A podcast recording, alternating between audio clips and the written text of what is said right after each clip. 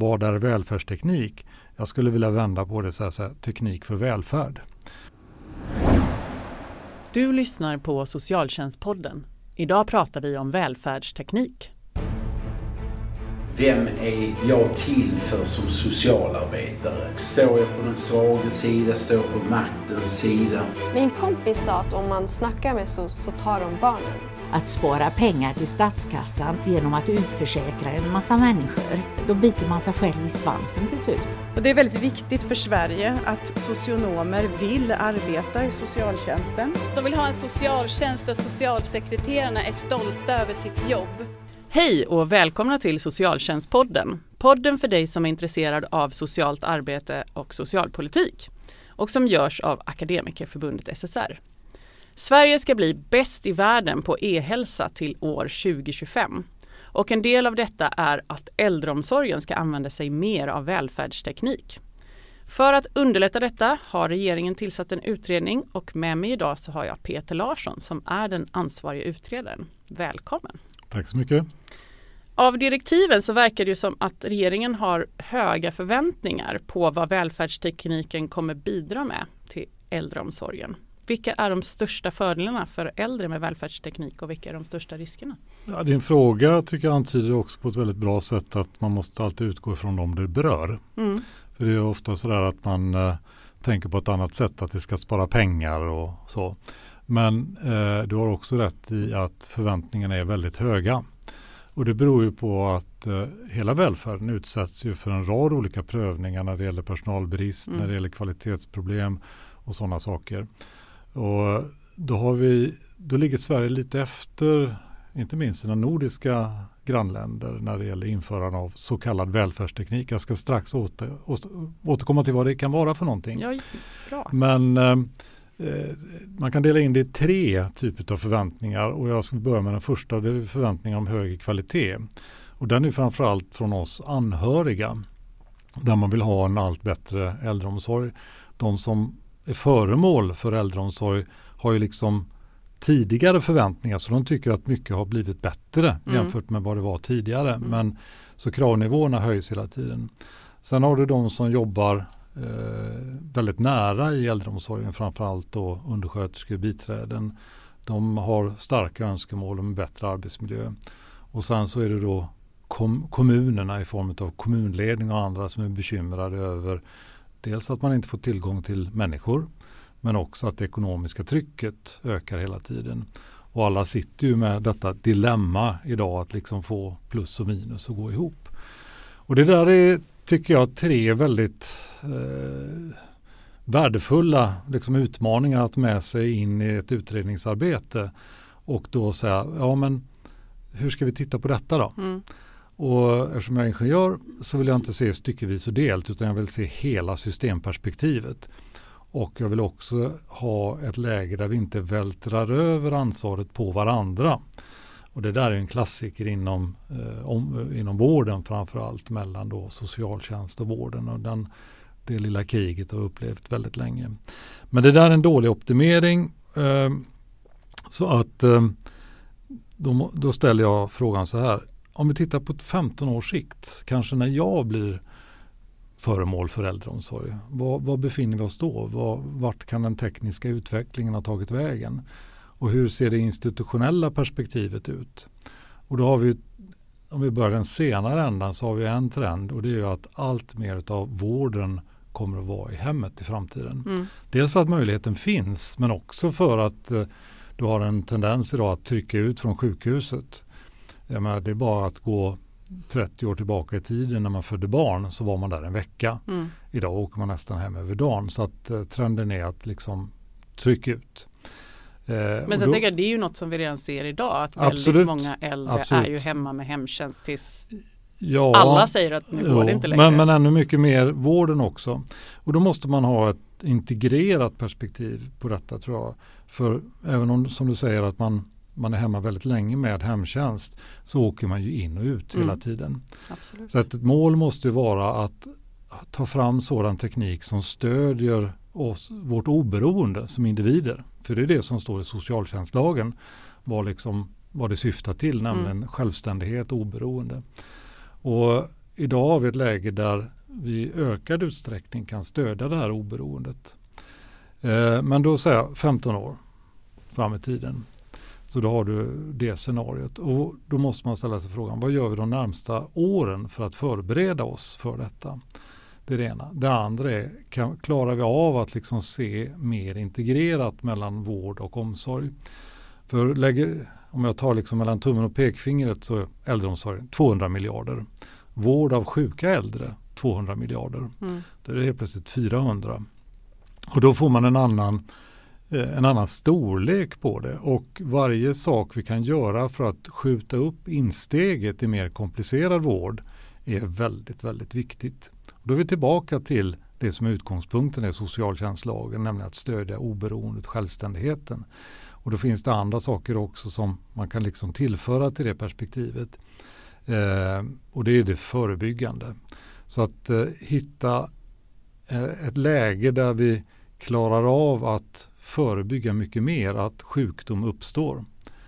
Sen ska jag tillägga, idag har vi ett läge där vi kommer att leva med kroniska sjukdomar.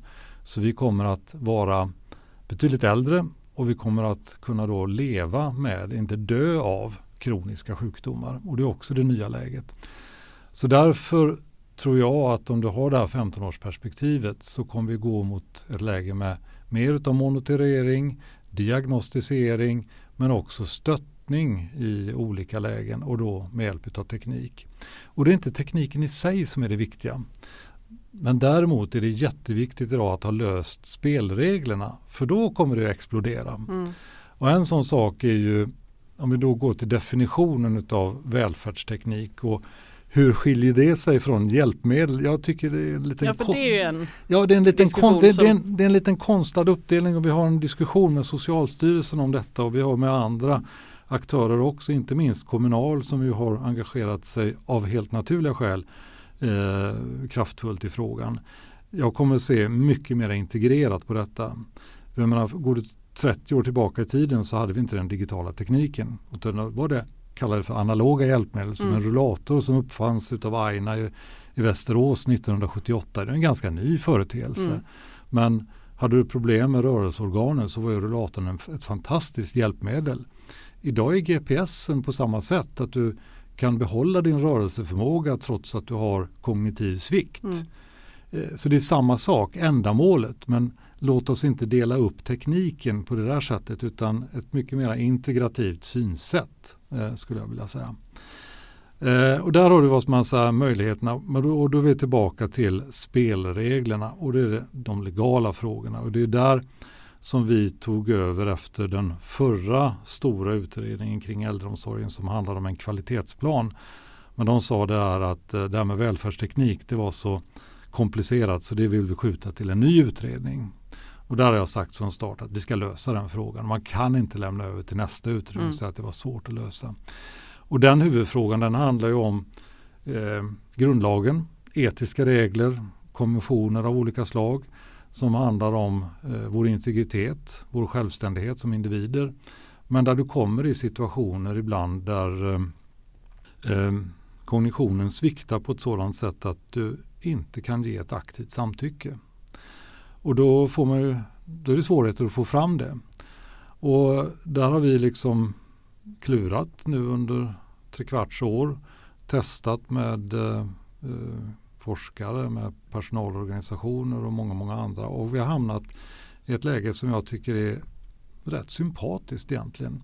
Och det är att om du har kognitiv svikt så eh, men be behöver stöd så kanske det är så att du behöver få tillgång till den här tekniken. Men själva medgivandet måste stödjas då utav ett team som inom citationstecken sätts in runt omkring dig som gör en bedömning och som gör en dokumentation utav detta, varför man har gjort det. Eh, så att därför kommer vi komma sannolikt med lite ändringar i patientlagen, socialtjänstlagen, kanske också hälso och sjukvårdslagen som trycker på denna möjlighet. Och då är vi tillbaka till... Men där måste jag bara, för om man tänker rent konkret då handlar det om att eh, om jag på grund av demens eller eh, annan sjukdom inte kan säga ja till att ha kameror i mitt hem Mm. eller eh, sensorer eller så. Mm. Så ska ett team av olika professioner Mm. kunna säga att det här behovet är behövs för att personen ska kunna leva så självständigt som möjligt. Exakt, och det, det är ju där som jag tycker ur professionssynpunkt att det är särskilt intressant eftersom eh, man kan rikta kritik mot alla våra olika typer av stuprör och uppdelning i professioner.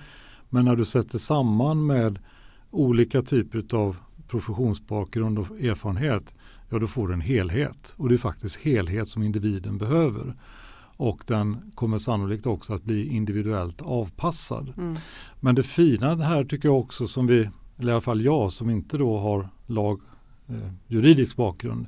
Det var ju att vi också tvingar fram ett nytt förhållningssätt. Nämligen att teamtanken ska vara den som är eh, default inom all vård och omsorg. Eh, vilket den inte är idag. Utan den är också uppdelad mellan huvudmannaskap Mm, för och tänker, är det saker. både då att hälso och sjukvården och socialtjänsten Ja. ska Ja, och då har du, teama ihop sig? Precis, och då har vi, och det, metoden för detta är, det är ju det, den så kallade SIPen, Mm. samordnad individuell planering. Och den har ju funnits väldigt länge men den kom till stor användning för att lösa frågan av om medicinskt färdigbehandlad Mm. patient. Och där då överlämning från hälso och sjukvården till socialtjänsten. Så det, efter det har det ju exploderat användningen. Men där kunde vi också se de uppföljningar som är gjorda att eh, det där är riktigt bra. Och det är därför jag säger att tankesättet, arbetssättet ska vara default i hela systemet. Och inte minst när du sen följer en äldre person, för det vet vi att eh, sjukdomar tilltar, man får sämre förmågor och så vidare. Så att eh, det läget som gällde i januari kanske inte alls gäller i september. Mm. Så därför är det också viktigt att ha detta som en utgångspunkt i hur man följer. Det ska inte vara så att man måste tillkalla hjälp på något slag. Och jag tycker ju att de olika, medicins, de, de olika professionerna, medicinska och sociala, måste förmås att samarbeta mycket, mycket mer.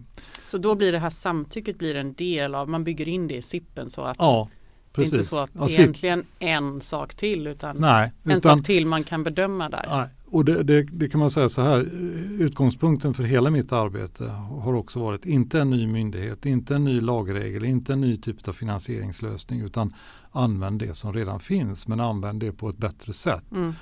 Slimma, trimma, utöka eh, för att eh, det ska fungera bättre. Är, efter alla dessa år i massa olika positioner, jag är väldigt trött på att man alltid ska uppfinna någonting nytt istället för att använda det som finns och förbättra det.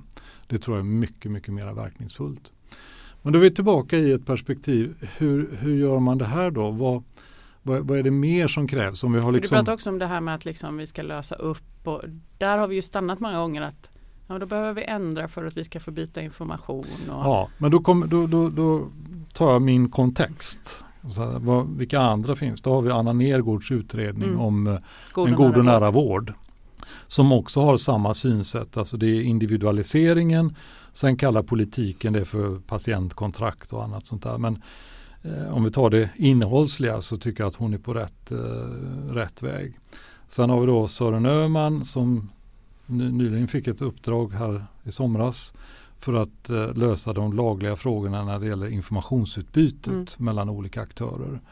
Eh, tar vi den och så tar vi Margareta Winberg som socialtjänsten och dessutom då kommunutredningen. Då har du vad man säga, en palett utav utredningar som förhoppningsvis då regeringen och samarbetspartier och kanske bredare än så i riksdagen skulle kunna genomföra för att vad man säga, göra en, eh, en, en, en modernisering och kvalitetsförbättring av hela välfärden. Men för mitt vidkommande då äldreomsorgen.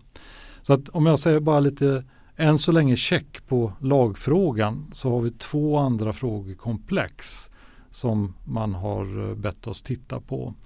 Ett handlar om infrastrukturen. Och vad är då infrastruktur i det här fallet? Ja, det är den digitala infrastrukturen. Och då för att göra det lite mer lättbegripligt så handlar inte det om vad man säger, fiber i sig utan det handlar mer om hur man kommunicerar inom dessa vad man säga, kraftfulla digitala instrument som vi har idag. Och eh, om vi blickar då 20 år tillbaka i tiden när dåvarande näringsministern Björn Rosengren deklarerade bredband åt folket. Då var det liksom nöje och utbildning och mm. sånt där som stod i centrum.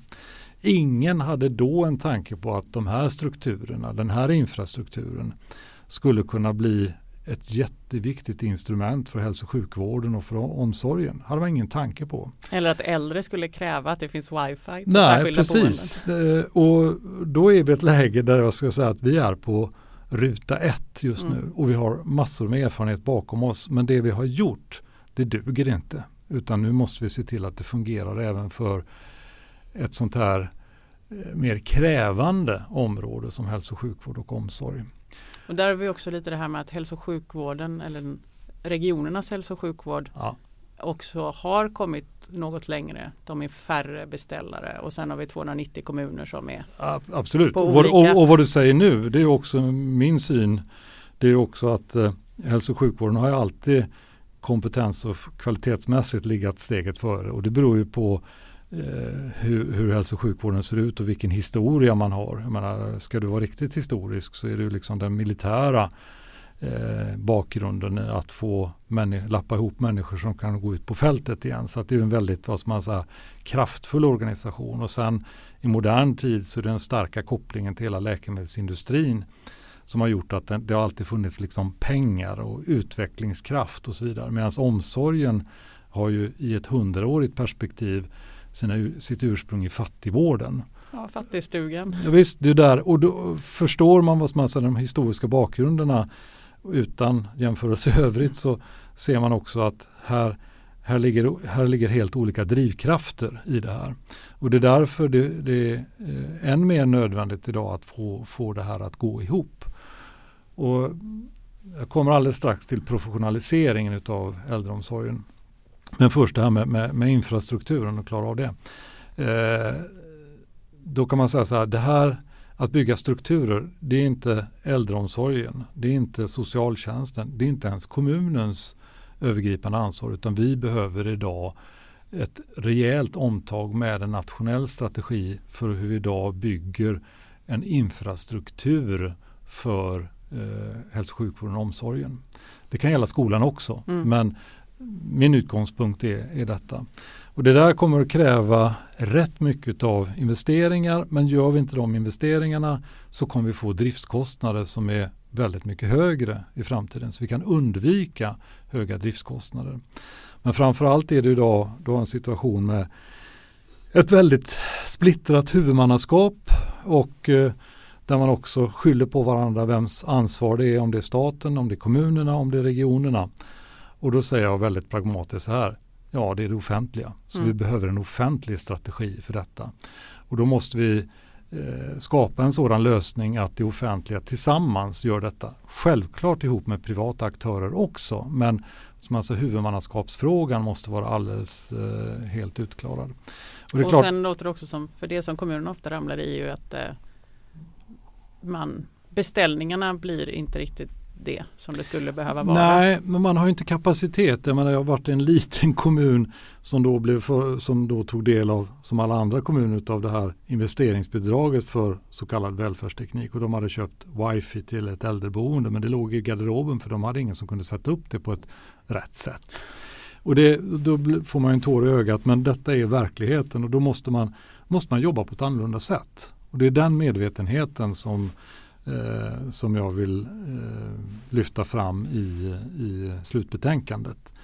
Eh, men jag, har också, jag bär med, med, bär med mig erfarenhet från andra verksamhetsfält. Jag brukar likna det här med transportinfrastrukturen som vi tycker är fullständigt självklart och där regering och riksdag vart fjärde år tar en transportinfrastrukturplan. Och då tänker vi i första hand på järnvägar och motorvägar och sånt. Men det handlar också om skogsbilsvägar. Så allt finns med. 270 miljarder för tioårsperioden och man beslutar om det vart fjärde år. Och det här har vi inte när det gäller den digitala infrastrukturen. Och det är den typen av tänkande som jag vill då ha fram. Och här finns också då samverkansmönster mellan staten, kommuner och numera också regioner. Och du har motsvarigheten i till exempel Sverigeförhandlingen när det gällde att uh, få fram flera bostäder men också tunnelbanor eller mm. spårvagnar eller vad det nu kan vara för någonting. Och det är den typen av tänkande som behövs. För det är inte så, jag menar, för dig och mig som medborgare så ska vi egentligen strunta i vem det är som är huvudman för de skattepengar som Ja, vi vill som, ju bara att det ska fungera. Vi vill att det ska fungera och det är ett mycket rimligt krav som medborgarna ställer. Och nu ska vi försöka formulera en lösning på det här problemet. Då kommer vi till den tredje frågan och det är kompetensfrågan. Och den, idag har du ett läge, jag tror att det är många som kan känna igen sig i detta, inte minst i storstäderna, att eh, den som ska ta hand om din nära anhörig som kanske har eh, multidiagnos med Alzheimer eller vad som helst. Det kan, eh, har man äldreomsorg idag så har man någon typ av sjukdom. Idag är det okej okay att inom citationstecken plocka någon från gatan. Två dagars utbildning och sen ska man hantera sköra äldre. Mm. Det är inte okej. Okay. Och då kan man säga, det, då är det ödets ironi i denna kvinnligt dominerade sektor att när vi börjar prata om teknik, ja då kommer helt plötsligt kompetensfrågan in. Och då tycker jag man ska vara pragmatisk och säga, okej, okay, nu är det på det här sättet. Eh, då kan vi förena detta med att radikalt höja utbildningsnivån, kompetensnivån, inte bara när det gäller teknik utan också i sociala förhållanden, i eh, hur man hanterar sköra äldre eh, och där har ju ändå vad man säga, forskningen kommit så pass långt att eh, man vet ungefär hur man ska bete sig och så vidare. Men det är väldigt få som har tillräckliga bakgrundskunskaper. Då är detta också en typ av investering som faktiskt måste göras. Och då är det i dess olika delar skulle jag vilja säga. Eh, om vi går tillbaka till SIP-perspektivet så innebär ju det att eh, läkare måste ha kanske ökad förståelse för eh, multidiagnoser. Mm. geriatriken har ju inte varit en den, måste man säga, den specialisering som har stått högst i rang, även om det har vänt. Mm. Det är faktiskt ett ökat intresse för det. Du har eh, andra vårdprofessioner som eh, kanske behöver spetsa sina kunskaper men framförallt också få tillträde till äldreomsorgen. Och sen har du då på bredden de som dagligdags möter alla äldre, antingen i eget boende eller i särskilt boende där, eh, där man måste höja kompetensnivån. Och det där har vi gjort förut. Och där tar jag nästa jämförelse. Vad var det som hände när förskolan flyttade från socialdepartementet till utbildningsdepartementet? För det var den, det var den institutionella förändring man gjorde. Jo, det var också en synsättsförändring om att det var det pedagogiska innehållet att förskolan, eller dagis som det hette då, inte bara skulle vara en förvaringsanstalt utan vara en del i den pedagogiska progressionen. Fick ett gig gigantiskt kompetenslyft. Mm. Och du fick krav på lägsta utbildningsnivå, eh, vidareutbildning och så vidare. Och du gjorde yrket attraktivt. Och det här som jag tror är en av vad man säga, de mentala utmaningarna som också hänger ihop med ledarskapet. Vi kan, vi kan rulla fram massa olika delförslag men det är också helheten och det synsättet som måste sättas. Nämligen att det är lika viktigt att stärka den yngre generationen som att stärka oberoendet och självständigheten i den äldre generationen. För livet är odelbart från början till slut. Och det är det här synsättet. Eh, och lämna vad man säga, det här tycka synd om perspektivet och vi ska ta hand om våra äldre och så vidare som låter väldigt bra. Men synsättet måste fördjupas ett steg till skulle jag nog vilja säga. För likadant kan nog många idag tycka att äldreomsorgen är en förvaringsplats. Absolut, och det är därför jag gör, jag gör de här två jämförelserna med transportinfrastruktur och förskolan för att också visa politiken att vi har gjort det här förut. Mm. För det handlar om vad man har för synsätt på, på olika saker och hur man har löst problematiken. Eh, jag har ju snurrat runt i så många olika världar och eh, organisationer och kompetensområden och annat sånt där att jag brukar säga att det mesta är likt vartannat.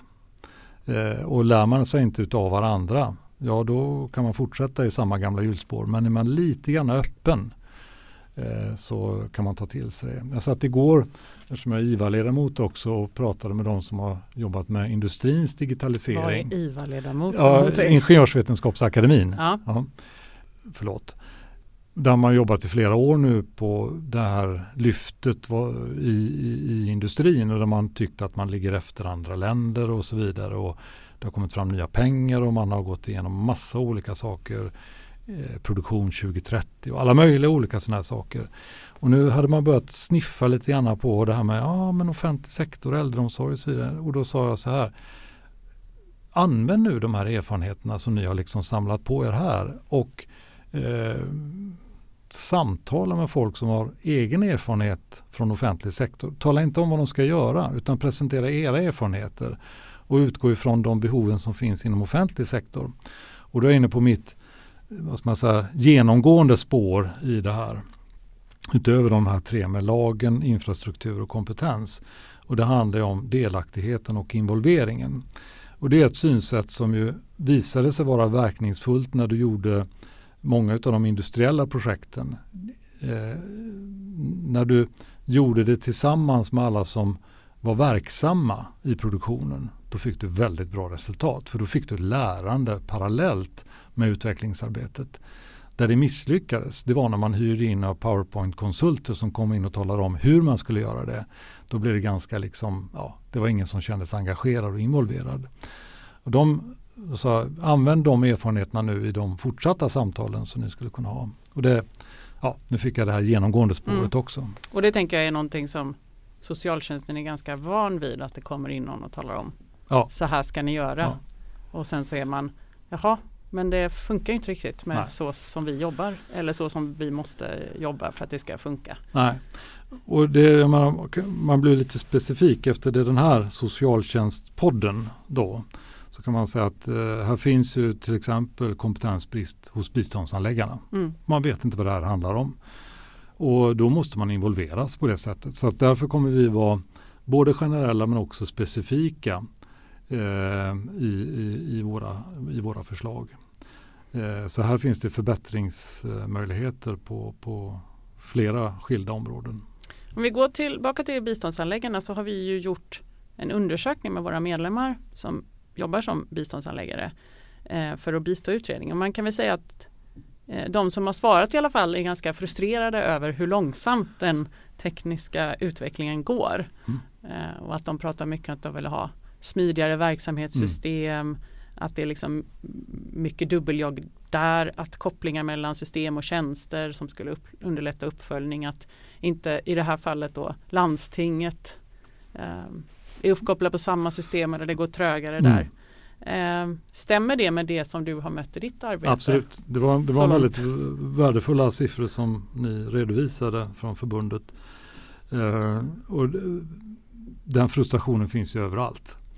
Och den beror ju på precis det jag sa inledningsvis att var och en försöker göra det var för sig. Mm. Eh, men gör man det tillsammans då, och involverar man. Och för verksamhetsutveckling det handlar ju om att utifrån befintlig verksamhet och de behov som man ska lösa kan utveckla sina system så att de är användbara för dig och dina kollegor i, i de uppgifter ni ska lösa. Jo då, den här bekräftades i stort sett i varje kommun när vi åkte runt. Apparater som man har velat slänga i väggen eh, och, och sånt där. Och det är klart att ja, det var ju andra, det, det, det, var ju andra utgångspunkter när man utvecklade tekniken. Mm. Det var inte tänkt på det här sättet. Och då måste man säga så att det är inte ettorna och nollornas fel. Utan det handlar om hur man vill använda det. Det är som alla pratar AI idag, alltså artificiell intelligens. Det är ingen liten egen grej utan det handlar ju om eh, självinlärningssystem på grund av att vi idag kan hantera extremt stora informationsmängder. Men hur man gör det, vad syftet är, det kommer vara väldigt olika. Det är som elektricitet. Du kan använda det till motorer, till kylskåp, till mm. belysning. Mm. Och är belysningen lite dålig i ett rum så är det inte elektricitetens fel utan det är den som har satt upp belysningen. Och det är där, det är där att liksom få ner det på den här vardagliga nivån som är, som är det riktigt, riktigt viktiga. Men där tänker jag också att det är just, även om man är en arbetsgrupp som jättegärna vill gå framåt så det du beskriver med liksom infrastruktur, vi har system som tar väldigt många år att utveckla så fort man vill ha något nytt och då är de redan gamla. Ja, och det beror också på osäkerheter. Jag, jag, ja, och sen är det pengar som kommunerna behöver investera. Absolut, det är flera olika saker. Vi tar pengarna strax. Eh, men osäkerheten tycker jag är en sån här viktig faktor och det kan illustreras med Malmö stad som ju då har 7500 personer som har eh, sådana här larm, aktiva larm, mm. ofta digitala idag. Men när vi träffade dem så hade de 20 stycken tillsynskameror. 20, 7500. Sannolikt skulle det kunna vara många hundra som hade haft behov av tillsynskamera. Men där det fanns en osäkerhet i hela systemet. Får vi göra det här? Mm. Vill de som vi servar eh, ha detta i framtiden? Och den här osäkerheten, det är den som måste skingras. Mm. Och, och, då är vi också lite insnävade, om jag återknyter till där vi började den här podden, vad är välfärdsteknik? Jag skulle vilja vända på det så här, så här teknik för välfärd. Och då vet vi inte vad det är för teknik om 15 år. Men du måste idag lösa eh, de finansiella, de legala och de institutionella frågorna. För då kommer tekniken. Nu talar jag som ingenjör. Mm. Tala inte om vad vi ska utveckla, tala om behovet. Då kommer du få en, en, en, en, stark utveckling. Och då är vi inne på sådana här saker som huvudmannaskapsfrågor och annat sånt där. Och, men så tänker jag att du blickar ju mycket längre fram då än den, den, regeringens och SKLs vision om 2025. Du är Nej, man, måste, man, måste, man måste ha det som målbild. Ja. Eh, för att idag vad man ska lägga grunden för både lagstiftning och eh, samverkansmönster som är hållbara under en längre tid. Jag kommer vara väldigt, väldigt tydlig i att just använda de befintliga instrumenten, institutionerna för att eh, som man säger, snarare hitta interaktionen dem emellan. Eh, och då måste du ha ett långsiktigt perspektiv för då ser man, jaha, ska vi långt dit bort? Mm. Då måste vi kanske förändra beteendet och annat sånt där. Eh, det är många som ibland ställer sina förhoppningar till stora såna här kommunreformer och annat sånt där. Jag tror inte på det för vi har testat det ett antal gånger. Det är en, det är en väldigt långsam väg. Nu har vi lite mera bråttom och då måste vi samarbeta eh, över gränserna. Det är inte gränserna eh, fokusera inte på gränserna utan fokusera, fokusera snarare på hur du ska överkomma gränserna. Mm. Väldigt eh, kloka ord men det låter ju också som att det här är Vi började ju allt med att det finns stora förhoppningar och att när, eh, efter det du har berättat här så är det ju liksom inte en quick fix att eh, här, nu får vi välfärdstekniken på plats och då kommer det lösa sig och vi kan spara in massa tjänster och alla äldre kommer bli mer eh, Nej, men det, självständiga. Det, det, är alltid så när man, när man ställs inför någonting, någonstans börjar man. Mm. Och eh, börjar, börjar man inte på rätt sätt så kommer det ta ännu längre tid. Nu tycker jag det är dags att börja på rätt sätt. Tack för det. Tack för att du var med oss idag Peter. Mm. Eh, om två veckor är vi tillbaka och då kommer jag att prata om ekonomiskt bistånd med forskaren Hugo Strands. Och till dess, tack för att du har lyssnat.